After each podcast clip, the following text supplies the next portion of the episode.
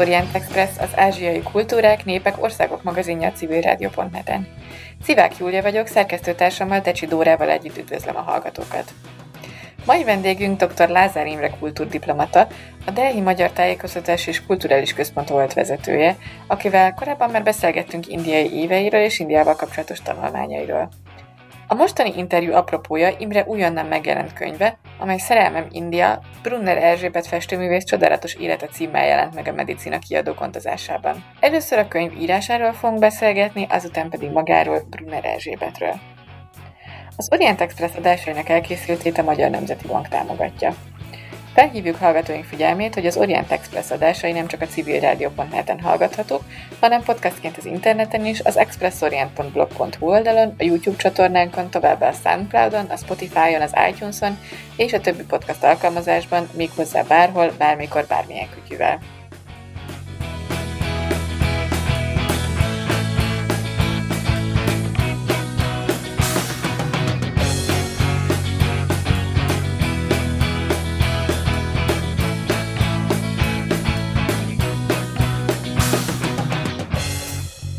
Kedves Imre, nagyon köszönjük, hogy elfogadtad a, a meghívásunkat, és ismét az Orient Expressnek a stúdiójában üdvözölhetünk. A mai beszélgetés apropója ugye az új könyved, a Szerelmem India című kötet, ami Brunner Erzsébetnek állít emléket, és az ő ö, életét követi nyomon, és az ő munkásságát térképezi föl. Az első kérdésem az lenne, hogy hogy jutott eszedbe, hogy ezt a könyvet megírt? Honnan jutott eszedbe ez a téma? Én is köszönöm a meghívást, és szeretettel üdvözlöm a hallgatókat. Hát ha erről a könyvről beszélünk, akkor el kell mondanom azt, hogy nálam a hivatali munkám, hát ugye én diplomata voltam Indiában, összesen 11 évet töltöttem két szakaszban, és an, tehát ez a diplomáciai munka egy kulturális intézet igazgatójaként eltöltött jó néhány év, illetve az az igény, hogy a munkámmal kapcsolatban olyan dolgokat is leírjak, ami egyrészt ennek a kulturális diplomáciának az elméleti kérdéseivel foglalkozik, másrészt pedig feldolgozzam a magyar-indiai kulturális diplomácia történetét. Na most ebben a történeti kutatásban nagyon fontos szerepet játszanak azok a személyiségek, akik a magyar-indiai kapcsolatokban valami fontosat hoztak létre, és nem csak, hogy valami fontosat hoztak létre, hanem olyan kötőerőként, olyan hídként szolgál az ő munkásságuk, ami példát ad, erőt ad, és rengeteg tanulsággal szolgál a ma számára. Én Brunner Erzsébettel akkor ismerkedtem meg, amikor az első külszolgálatomra kimentem, ez már jó régen volt, 1988-ban. És engem nagyon megragadott, nem csak az ő művészete, amit nagyon nagyra becsülök és tisztelek, hanem az ő személyisége is. Ő egy varázslatos ember volt, akitől én rengeteget tanultam. Mi nagyon sokat találkoztunk, hát amennyire a hivatali munkám megengedte, de szerencsére közel laktunk egymáshoz, és én lépten nyomon fölkerestem őt, és ő rengeteget mesélt nekem. És ezek a történetek valahogy soha nem fogytak ki, és akkor született meg bennem a gondolat, hogy egyszer majd könyvet kellene írni az ő életéről.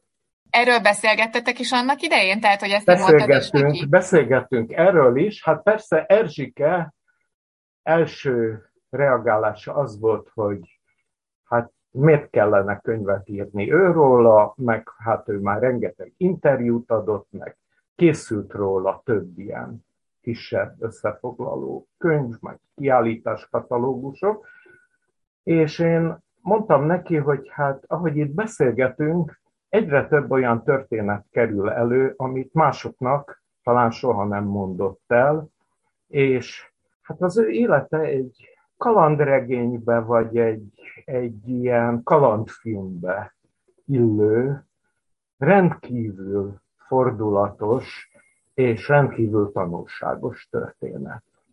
És akkor mondtam neki, hogy adjon nekem ide minden olyan anyagot, amit eddig róla írtak, vagy esetleg van-e a fiúk mélyén egy önéletrajz. És akkor ő elmondta nekem, hogy ő meg akarta írni tulajdonképpen az édesanyja történetét, mert hogy ez a könyv nem csak Brunner Erzsébetről szól, hanem a családjáról is. Ő Nagykanizsáról származik, és mind az édesapja, mind az édesanyja nagyon híres és nagyon tehetséges festő volt.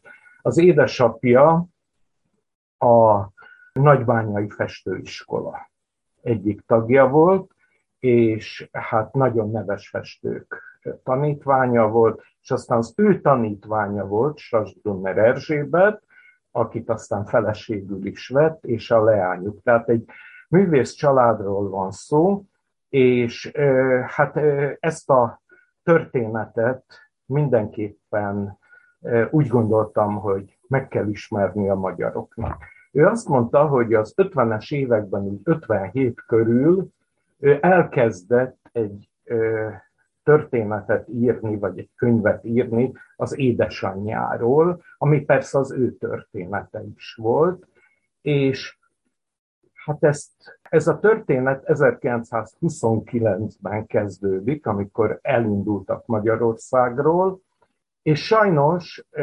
befejeződik 1938-ban, tehát az ő hosszú életéből 91 évet élt, mindössze 9 évet foglalt magába, de ő ideadta nekem ennek a kéziratát, aztán én ezt elolvastam, és hát millió kérdésem volt, hogy mi történt előttem, mi történt utána, és Erzsike ezeket mesélte nekem. Aztán amikor kiállításokat rendeztünk, ő sorra elővette a képeket, és minden képről egy történet jutott eszébe.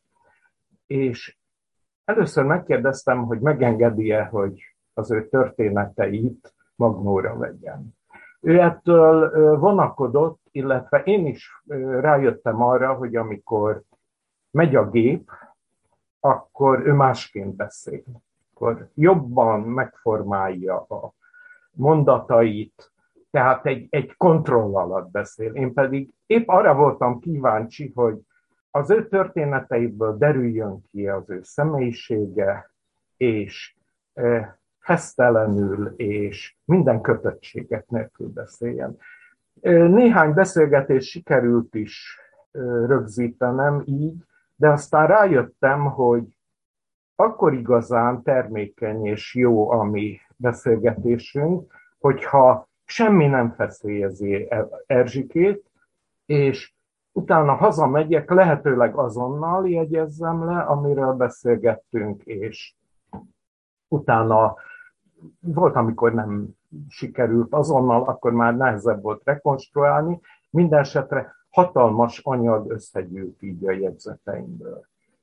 Sajnos az ő életében nem tudtam hivatali kötelezettségeknek, talán ő maga is kicsit afelé irányított, hogy amíg ő él, nem biztos, hogy ő örülne, hogy bizonyos dolgok megjelennének, de mondom, megosztott velem olyan dolgokat is, amit senki másnak nem mesélt el.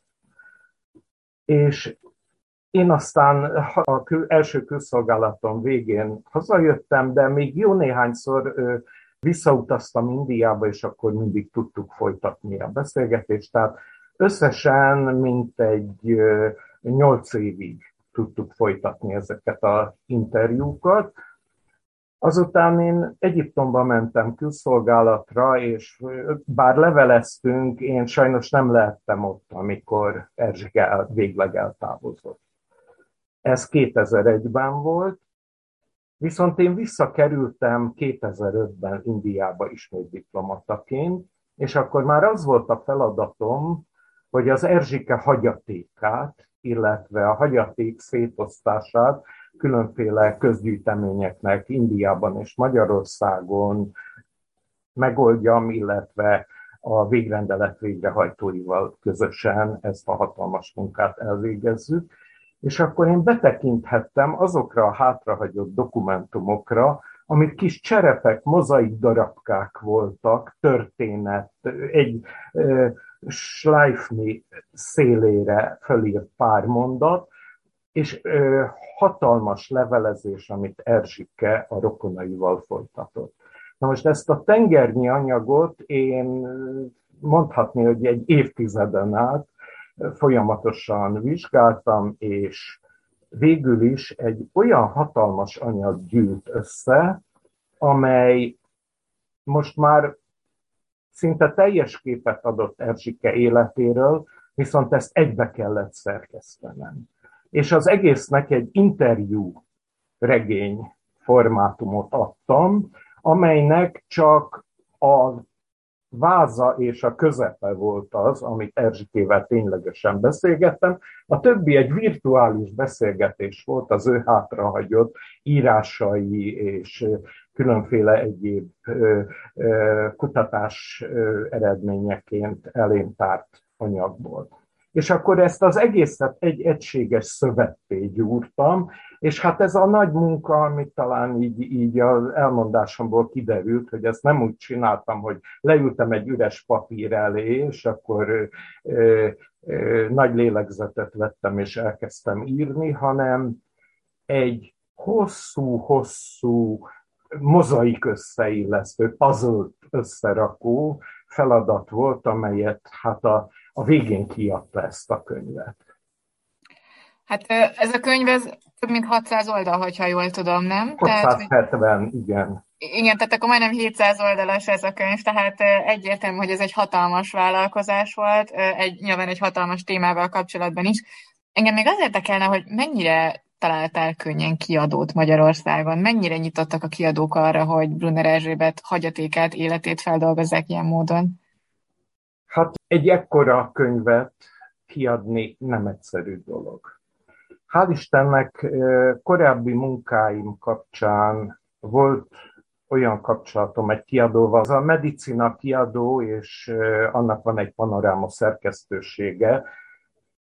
Ennek a szerkesztőségnek én már két könyvet írtam korábban, ezek egyiptomi témájú voltak. Egyiptomi koptokról szól, egyrészt a Szent Család egyiptomi menekülésének hagyománya a koptok körében, ahogy ez máig fönnmaradt, a másik pedig az egyiptomi kolostorokról egy monográfia. És én megemlítettem a kiadó vezérigazgatójának, hogy van egy történetem két olyan magyar festőről, két nőről, akik már belekóstoltak a sikerekbe, mondhatni egy anya és lánya, az édesanyja már nagyon népszerű és nagyon elismert festőművész, a lánya pedig szobrász növendék, a kisfaludi Strók Zsigmond egyik legtehetségesebb tanítványa, és egy nap a édesanyja elhatározza, hogy nekindulnak a világnak, mindent hátrahagynak, nincs pénzük, nincs kapcsolatuk, nyelveket sem tudnak, és elindulnak Indiába. Na most ez, hogy két nő egy ilyen lehetetlen feladatra vállalkozik, úgy megragadta a vezérigazgató asszonyt, hogy azt mondta, hogy igen, őt ez érdekli. Akkor én a táskámból előhúztam az első fejezetet, és átadtam neki, aki talán már másnap fölhívott, hogy azonnal elolvasta, és ki fogja adni a könyvet. Na most hát én nagyon boldog voltam, természetesen valamennyi időt igényelt az is, hogy én végleges formába hozzam ezt. És aztán jött a pandémia, ami késleltette egy kicsit a megjelenést, de végül is ö, megjelent, és én ö, mint szerző csak azt tudom mondani, hogy én nagyon boldog vagyok, hogy egy ilyen hosszú, több évtizedes munka végére pont került, És azért is örülök ennek, nem csak saját ambíciómat legyezgetem ezzel, persze ennek is örülök, hanem ez tényleg egy hiánypótló munka, ugyanis Magyarországon Brunner Erzsébet vagy a Brunnerek munkásságáról összefoglaló munka még nem jelent meg. Én nem művészettörténész szemszögéből néztem, mert vannak művészettörténészek, akik foglalkoztak ezzel a témával, és, és katalógusba írtak nagyon értékes tanulmányokat már erről. Én az élettörténetet, mint egy egyedülálló, teljesen lehetetlennek tűnő kísérlet sikeres megvalósítását láttam ebben az élettörténetben, ami nagyon sok embert érdekelhet. Egy dolog különösen inspirált engem, hogy a Brunnereket tulajdonképpen egy torszkép erejéig nagyon sok ember ismerheti. Ugyanis a bengáli tűz, amely G. Hajnóci Rózsa neve alatt jelent meg, de most már tudjuk, hogy a férje, Germanus Gyula, és nagyban bedolgozott ebbe a könyvbe, és talán, talán még más is. Minden esetre a Brunnerek Sólyom Kutasi Böske és Leánya Böske név, néven fölbukkannak ennek a könyvnek a lapjain. És hát egyrészt ez a könyv róluk torszképet fest, kibúnyolja őket, és tulajdonképpen egy lenyomat ez a könyv annak, hogy egy polgári millióból Indiába csöppent házas pár mennyire nem tud megbirkózni a kultúrák különbségének nehézségeivel, és mennyire nem tud beleilleszkedni ebbe a millióbe, és hát bár főleg Germanus Gyula a tudós professzor mennyi ismerettel rendelkezik Indiáról, mégis India lelke, India titka mennyire zárva marad. Előtte nem beszélve feleségéről. És akkor én úgy gondoltam, hogy ezzel a könyvvel egyrészt a Brunnereknek kell igazságot szolgáltatni, azzal, hogy megírom a valódi történetüket, nem azt, ami eltorzítva a bengáli tűzben van, másrészt pedig bemutatni egy alternatív viszonyt Indiához. És tulajdonképpen ezzel, hogy a Brunnerek élettörténetét megírom, talán sikerül valami kulcsot adni a magyar olvasónak is, hogy tovább lásson a médiában nap mint nap megjelenő, eléggé elriasztó híreken, és kicsit be tudjon tekinteni abba, vagy bele tudjon helyezkedni abba a gondolatvilágba, hogy mit tud India adni ma egy európai embernek. Hogy mi az, amely az európai, vagy a, mondjuk így a nyugati kultúrkör, nyugati civilizáció része is volt, de kikopott belőle, és amit India tovább vitt.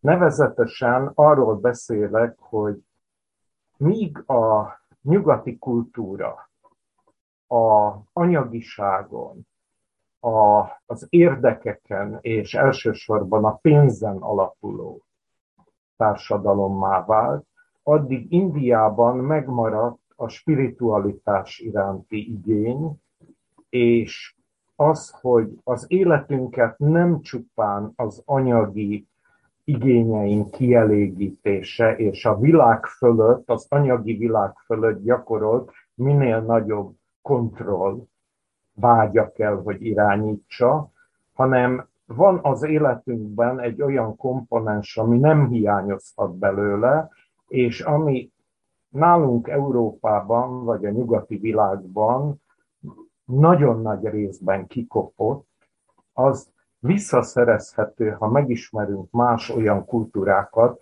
ahol a lelkiségnek ma is nagyon fontos szerepe van.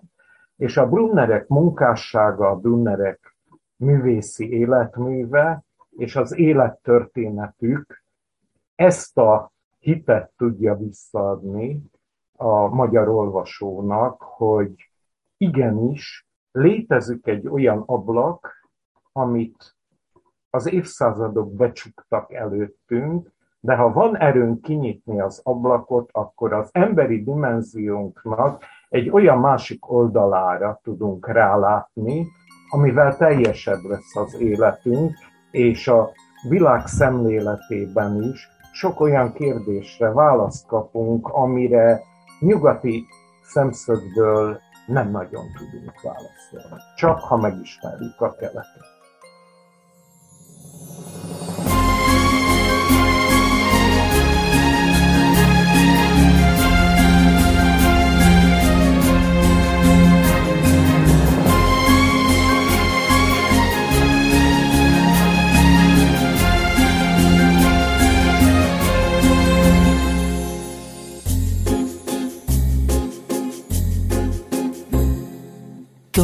पाया है तो जैसे खोया हूँ। कहना चाहूँ भी तो तुमसे क्या कहूँ? तुमको पाया है तो जैसे खोया हूँ। कहना चाहूँ भी तो तुमसे क्या कहूँ? किसी जबान में भी वो लफ्ज ही नहीं कि जिनमें तुम हो क्या तुम्हें बता सकूँ? मैं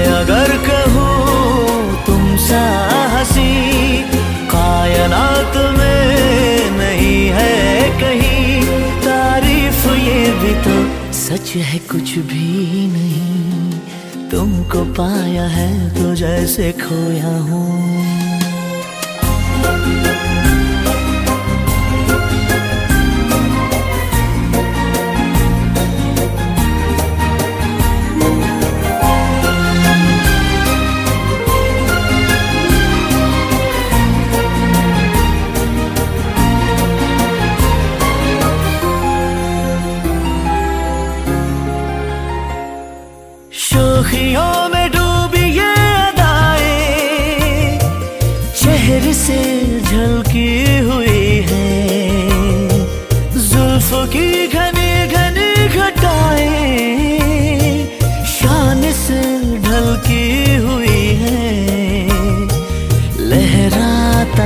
चल है जैसे बादल, बाहों में भरी है जैसे चांदनी, रूप की चांदनी। मैं अगर कहूँ, ये दिल कशी है नहीं कहीं, न होगी कभी तारीफ़, ये भी तो सच है कुछ भी नहीं। तुमको पाया है तो जैसे खोया Ez itt továbbra is az Orient Express a civilrádió.net-en, mai vendégünk dr. Lázár Imre kultúrdiplomata, akivel legújabb könyvéről beszélgetünk, ami Brunner Erzsébet és édesanyja karrierjét és élettörténetét mutatja be.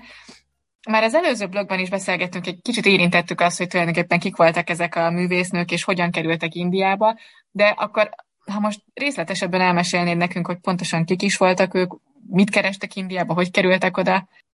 Hát a történet Nagykanizsán kezdődik, ugyanis mind Brunner Erzsébet, mind az édesanyja, Sas Brunner Erzsébet lánykori nevén Farkas Böske, Nagykanizsán született. És a történet tulajdonképpen ott kezdődik, amikor egy nagyon jóképű szakállas festő megérkezett Nagykanizsára, és egy festőiskolát nyitott. Őt erre a mestere Hollósi Simon biztatta, amikor elvégezte a tanulmányait a Királyi Képzőművészeti Főiskolán, hogy ne föltétlenül a nagyvárosokat és a divatos kiállítótermeket keresse, hanem menjen el kisvárosokba, nyisson festőiskolát, és fedezzen föl tehetségeket. Rengeteg tehetség lehet az országban felfedezetlenül, és ő sorra járta a vidéki városokat, elsősorban a Dunántúlt, és hát megérkezett Nagykanizsára, és festőiskolát nyitott.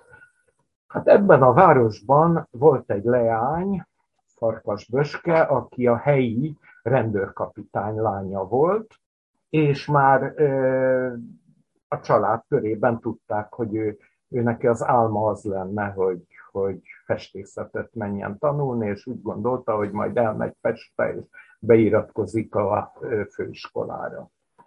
És akkor, amikor megtudta, hogy nyílt egy festőiskola Nagykanizsán, ő azonnal beiratkozott oda, és hát a legtehetségesebb tanítványa volt az ifjú festőnek, és hát egyre több időt töltöttek együtt, a család már meghívta a festőt a házukba is, és hát a szoros-szoros mester-tanítvány kapcsolatból egy szerelem bontakozott ki, és el is vette feleségül, Farkasböskét, Brunner Ferenc, aki művész néven Sas Ferenc nevet néven alkotott, és onnantól kezdve együtt járták az országot, kiállítottak, sőt eljártak Münchenbe a mesterhez. Ugyanakkor hát hamarosan megszületett a gyermekük, a kis Erzsébet, és hát először vitték magukkal, hát például Münchenben is járt a pici baba, meg különféle városokba, de aztán rá kellett jönniük, hogy egy ilyen pici babával nem tudnak olyan könnyen mozogni, és otthon hagyták Erzsébet nővérének, a nagynéninek, a kisbabát, és hát Erzsike gyerekkora úgy telt el, hogy folyton vágyódott a szülők után, elsősorban az édesanyja után. Ezt azért mondom el, mert ez a motívum a későbbi történetben egy, egy kulcsfontosságú tény lesz, hogy, hogy az édesanyához való kötődés mennyire meghatározta az ő későbbi sorsát. Az első világháború borzalmai megviselték a fiatal párt, és az édesapa alkotó ereje kiapadt. Látva a sok borzalmat azt mondta, hogy ennek a világnak ő nem fog alkotni. És illúzióvesztett, világtól elvonuló remete lett belőle, a felesége viszont nem adta föl. És azt mondta, hogy a mi házasságunkat a közös művészi célok tartották össze, hogyha ezeket a célokat a továbbiakban nem tudjuk úgy vallani, hogy mind a ketten egyetértsünk vele, akkor elválnak útjaink. Törvényileg nem váltak el, de az édesanyja Budapestre költözött, és nem sokára oda költözött hozzá a lánya is, és oda járt művészeti középiskolába. Az édesanyja úgy döntött, hogy nem adja föl azt a harcot, hogy új utakat keressen a válság után. És már annyira ö, megviselték ö, a válság pszichés velejárói, hogy öngyilkos akart lenni. És akkor az egyik barátnőjénél talált egy könyvet, Bicsérdi Béla könyvét, amely az életmód változtatásra biztatta, ebből az inspirációból letett arról, hogy öngyilkos legyen, és vegetáriánus lett. Egy 28 napos bőjtbe kezdettem, de majdnem belehalt, de a bőjt végén teljesen megújult az ő művészeti látásmódja, spirituális festményeket kezdett el festeni, és ezzel ő sikereket aratott, de úgy érezte, hogy Magyarországon ő ezen az úton már nem tud tovább haladni, kell neki egy olyan hely, amely tovább inspirálja ebben. És 1928 karácsonyán odafordult a lányához, és azt mondta neki, hogy Indiában megy. A lány azt mondta, hogy akkor én megveled meg. Bocsánat, akkor mennyi idős volt körülbelül? 18 éves volt, tehát első éves főiskolai hallgató volt.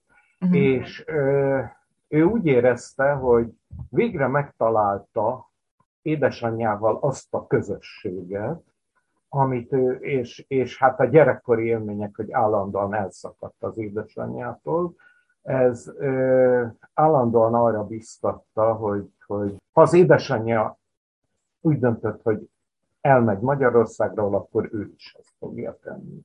És el is indultak Olaszországon keresztül, még akkor nem voltak teljesen biztosak, hogy hova mennek, csak valami India. És Szicíliában az Erzsébet egy álmot látott.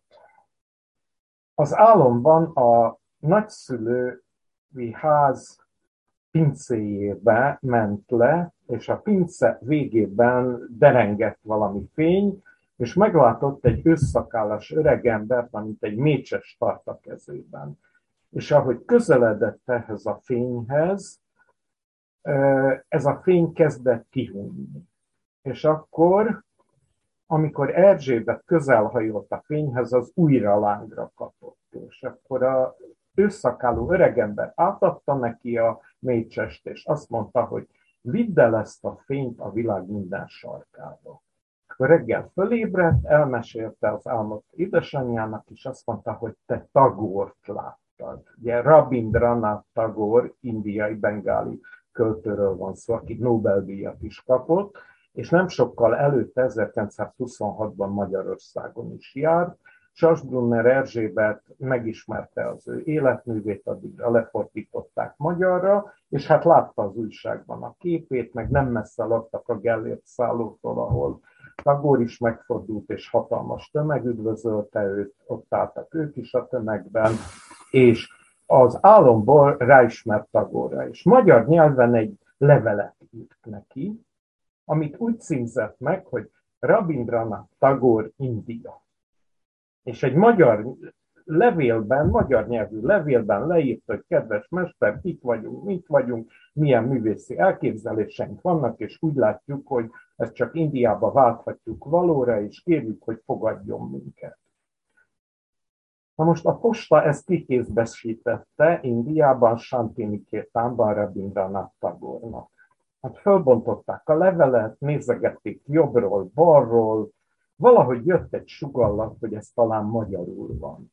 És akkor kivitték a levelet a Germanus Gyulának, hogy hát ez a levél valószínűleg magyarul van, és hát akkor fordítsa le tagornak. És ezt meg is tette, sőt, a választ is megfogalmaztatta Germanus Gyulával, egyébként ez benne van a könyvben, a bengáli tűzben eléggé eltorzított formában, hogy hogy érkezett meg a levél, és ráadásul a germanuszék meg is hamisították a levelet, mert közölnek a könyvben egy szöveget, ami nem úgy van, mint az eredeti levél. Én megtaláltam ezt a levelet Santi Nikétánban, a Tagore archívumban, és teljesen más a levél.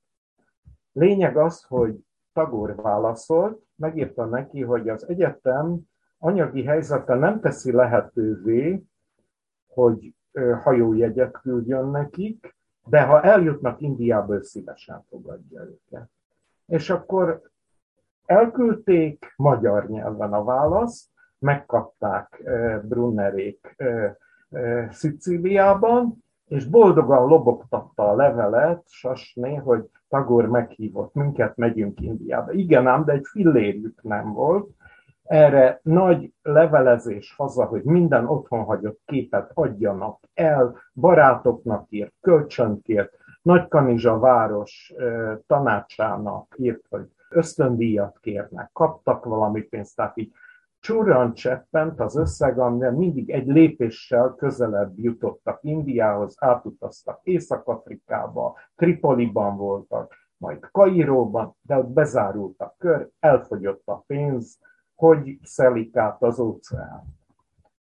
És akkor, és végig erről szól a könyv, hogy mindig egy csoda történik, ami egy ilyen lehetetlen helyzetet megold. Találkoznak egy magyar teakereskedővel, aki teát szállított Indiából Magyarországra, és hát elsítták neki a bánatukat, és azt mondja, csak ez a baj, hát megveszem én azt a két hajójegyet. És így jutottak el Indiába. Hát persze a germanuszék meggyanúsítják őket, hogy potyautasként lopóckodtak a hajóra, de ez nem volt igaz. No, lényeg az, most már rövidre fogom a történetet, hogy megérkeztek Santinikétánba, ott töltöttek először két évet, majd elkezdtek Indiában utazni, Maharaja udvartól Maharaja udvarig, és fölkeresték a India összes gyönyörű emlékhelyét, és lassan megismerkedtek Indiával, és befutott festők lettek. Igen ám, de uh, Sacsbunner Erzsébet súlyos, súlyosan beteg lett, tovább kellett utazniuk. A történetben nem mondtam el, hogy ki mindenkivel találkoztak, de hát akkor már kibontakozóban volt a indiai függetlenségi mozgalom, és annak a vezetőivel megismerkedtek. Tehát egyrészt bírták Tagor rokonszenvét és támogatását, megismerkedtek ma, és lefestették Mahatma Gandhi, és nagyon sok akkor a függetlenségi mozgalom kivívásán dolgozó hazafit.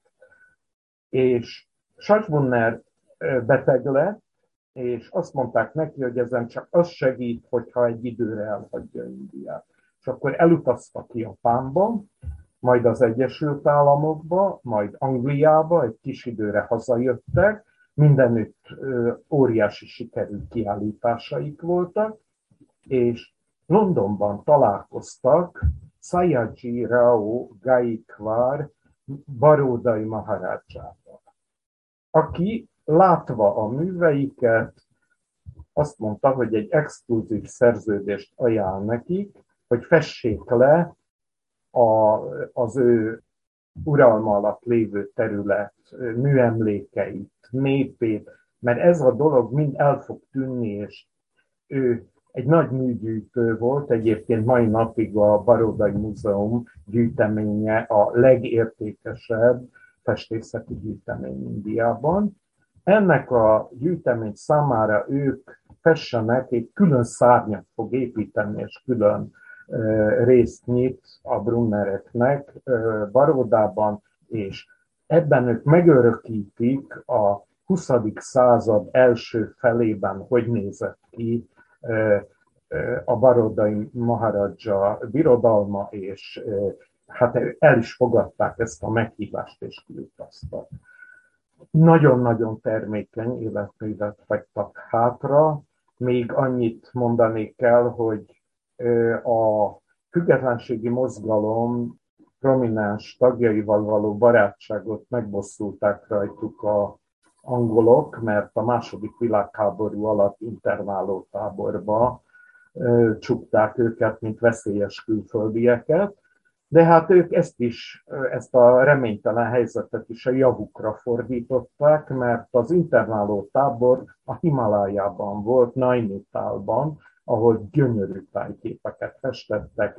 A, a mama elsősorban tájképeket, Erzsébet pedig portrékat, és amikor kiszabadultak a internálásból, akkor úgy döntöttek, hogy ott maradnak Nainitálban.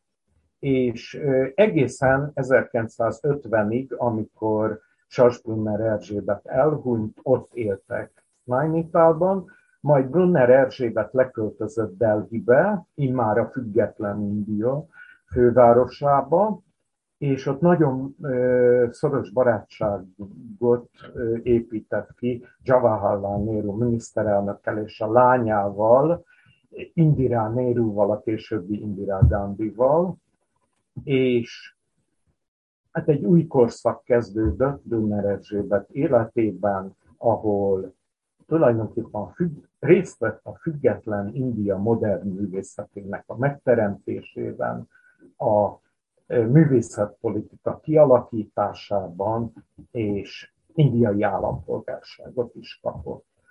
Na most ez az életmű, amelyről még nagyon sok részletet mesél el ez a könyv, Ez, ezt az indiai állam az ottani egyik legmagasabb állami kitüntetéssel, a Padmasri díjjal jutalmazta, és nagyon-nagyon sok más díjat is kapott, és Magyarországról is nagyon sok magas kitüntetést kapott Erzsike.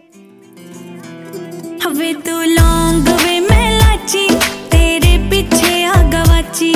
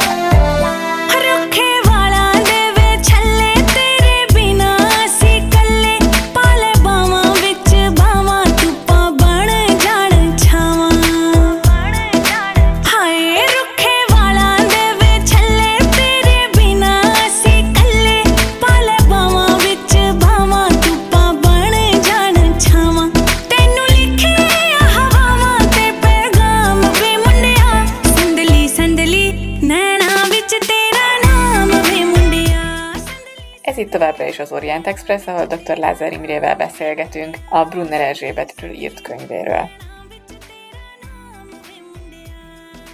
a két Erzsébet mennyire tudott kapukat nyitni, és, és úgymond kulturális diplomácia szempontjából vizsgálva, mennyire tudtak a kultúrák közötti kapukat nyitni tulajdonképpen. Az egy külön történet, hogy az ő kapcsolata Magyarországgal hogyan alakult, mert ő 56-ban a forradalom pártjára állt, és ezt nem is titkolta, sőt, ö, Nehru közbejárását kérte, hogy mentsen meg a halálra ítélteket, és, és titkos diplomáciával érje el az oroszoknál, hogy azokat, akiket halálra ítéltek, azoknak kegyelmezzenek meg. És valóban Nehru kapcsolatba lépett az oroszokkal, és többek között Bíbó István vagy Gönc Árpád ennek köszönheti az életét, hogy az ő halálos ítéletüket életfogytiglani börtönre változtatták, és Brunner Erzsébetnek ugyanakkor a kommunista uralom nem bocsátotta ezt meg nagyon sokáig. Egészen a 70-es évekig ő át nem léphette a magyar nagykövetség küszöbét, és Magyarországon nem lehetett Brunner kiállítás. És tulajdonképpen Indira Gandhi 1972-es magyarországi látogatása törte meg a jeget, amikor Brunner képeket hozott ajándékba a Magyar Nemzeti Galériának és a Nagykanizsai Múzeumnak.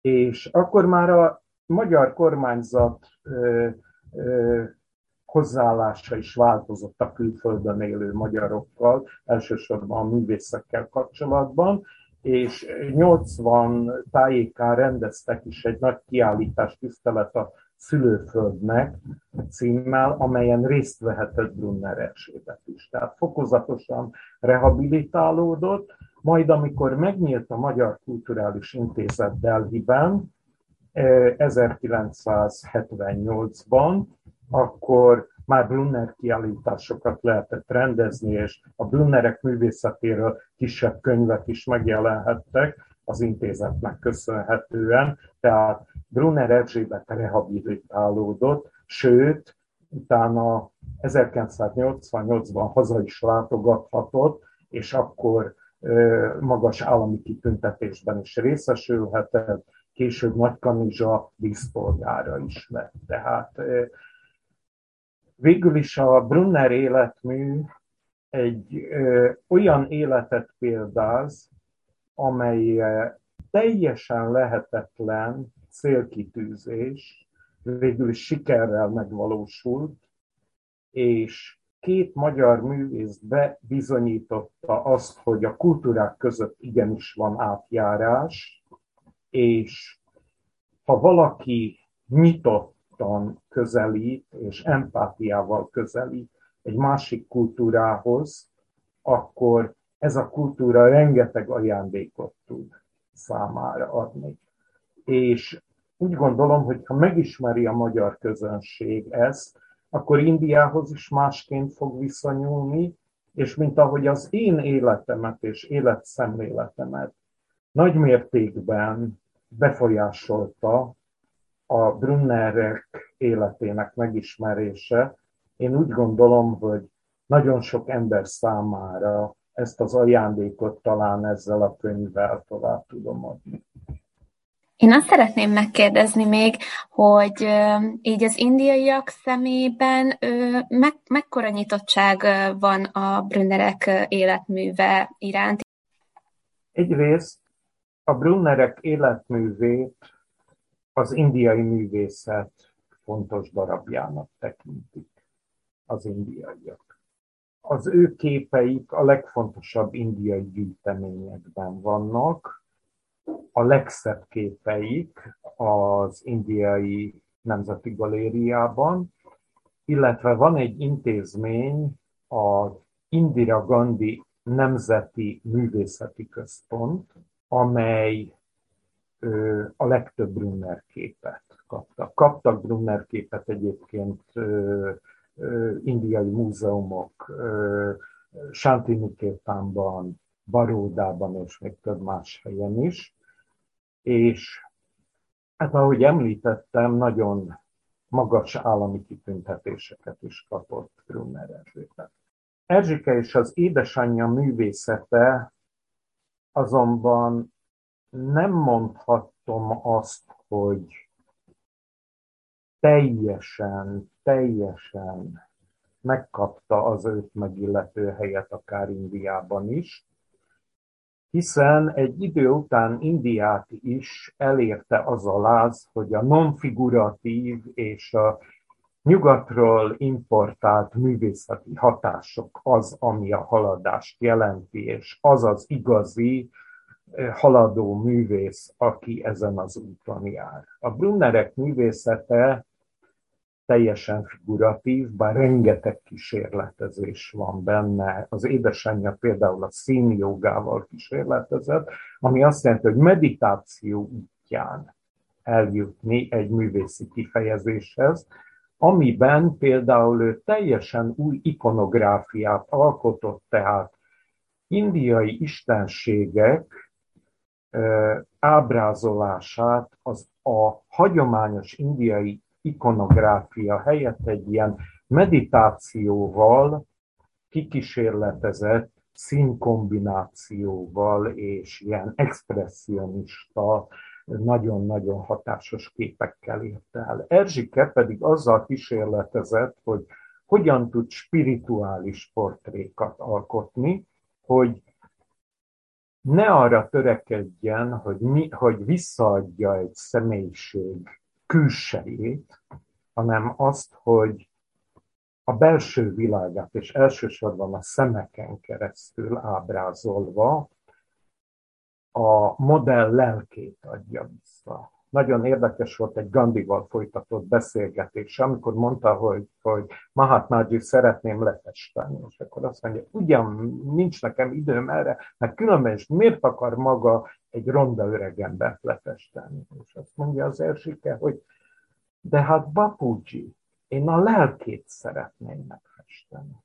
És ugyanez vezényelt, vezérelte őt, a, a, bármilyen, akár egy, egy falusi kisgyerek portréját készítette el, hogy annak a gyereknek a lelki világát adja vissza. És amikor a függetlenségi mozgalom nagy alakjainak a portréját készítette sorba egymás után, de azt mondta, hogy ő szeretne egy egész galériát ezeknek az embereknek a képeiből, mert úgy érzi, hogy ha ezeknek az embereknek a szellemét sikerül visszaadnia és továbbadnia a nézőnek a képeink keresztül, akkor ő az indiai függetlenségi mozgalom szellemét, az India, India függetlenségéért harcolók eszmeiségét fogja tudni a nézők elé tárni.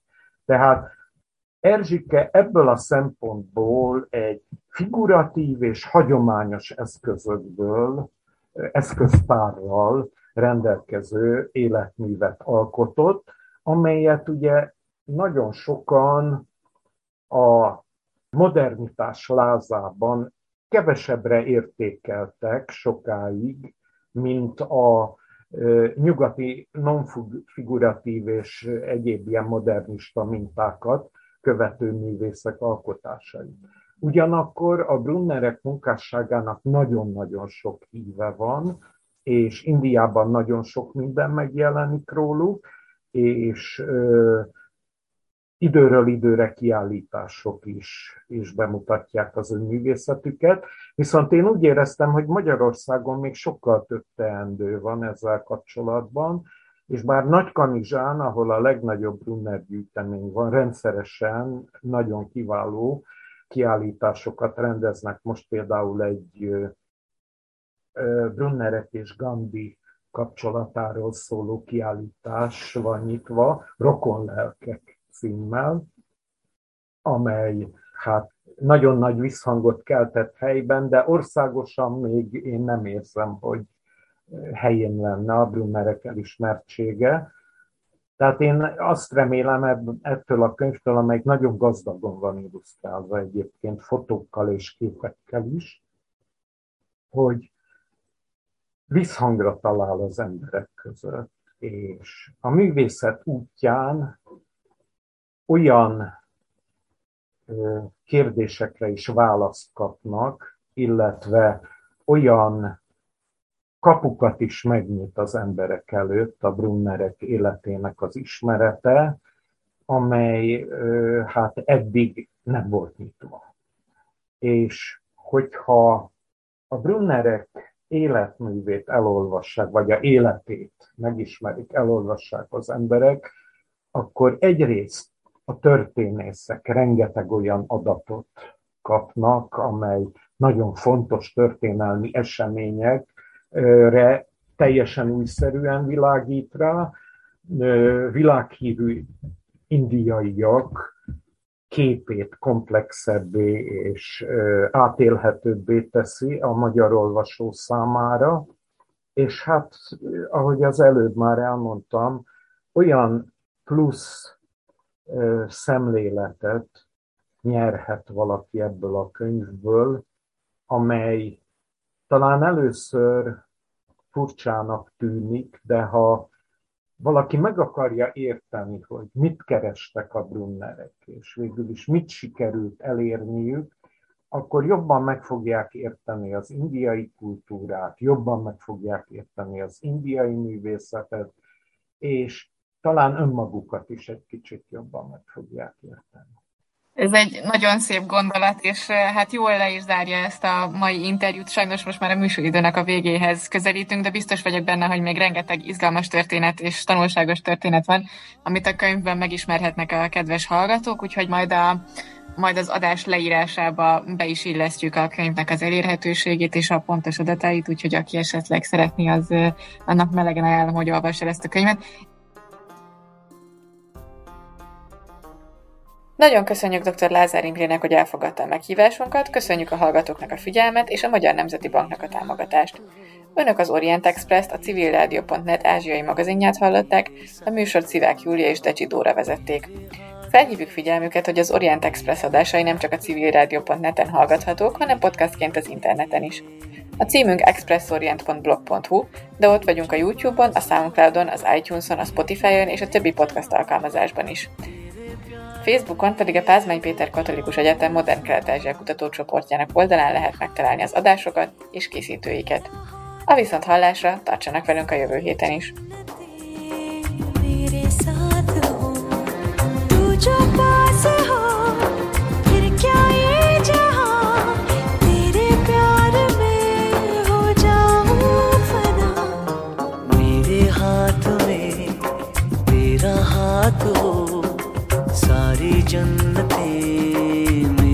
साथ हूँ।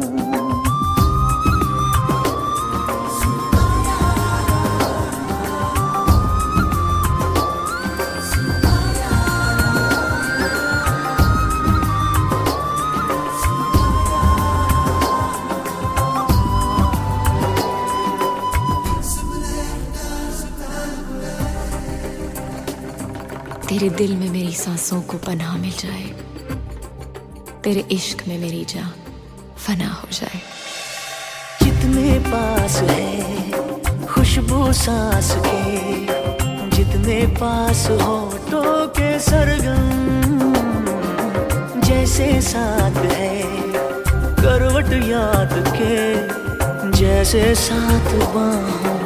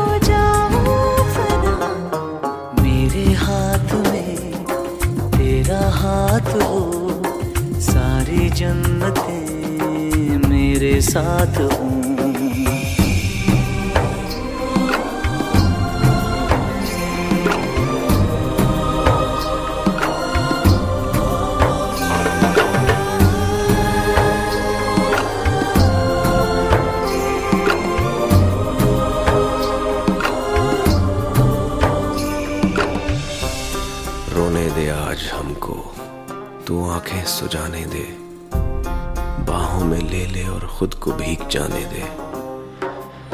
है जो सीने में कैद दरिया, वो छूट जाएगा। है इतना दर्द कि तेरा दामन भीग जाएगा।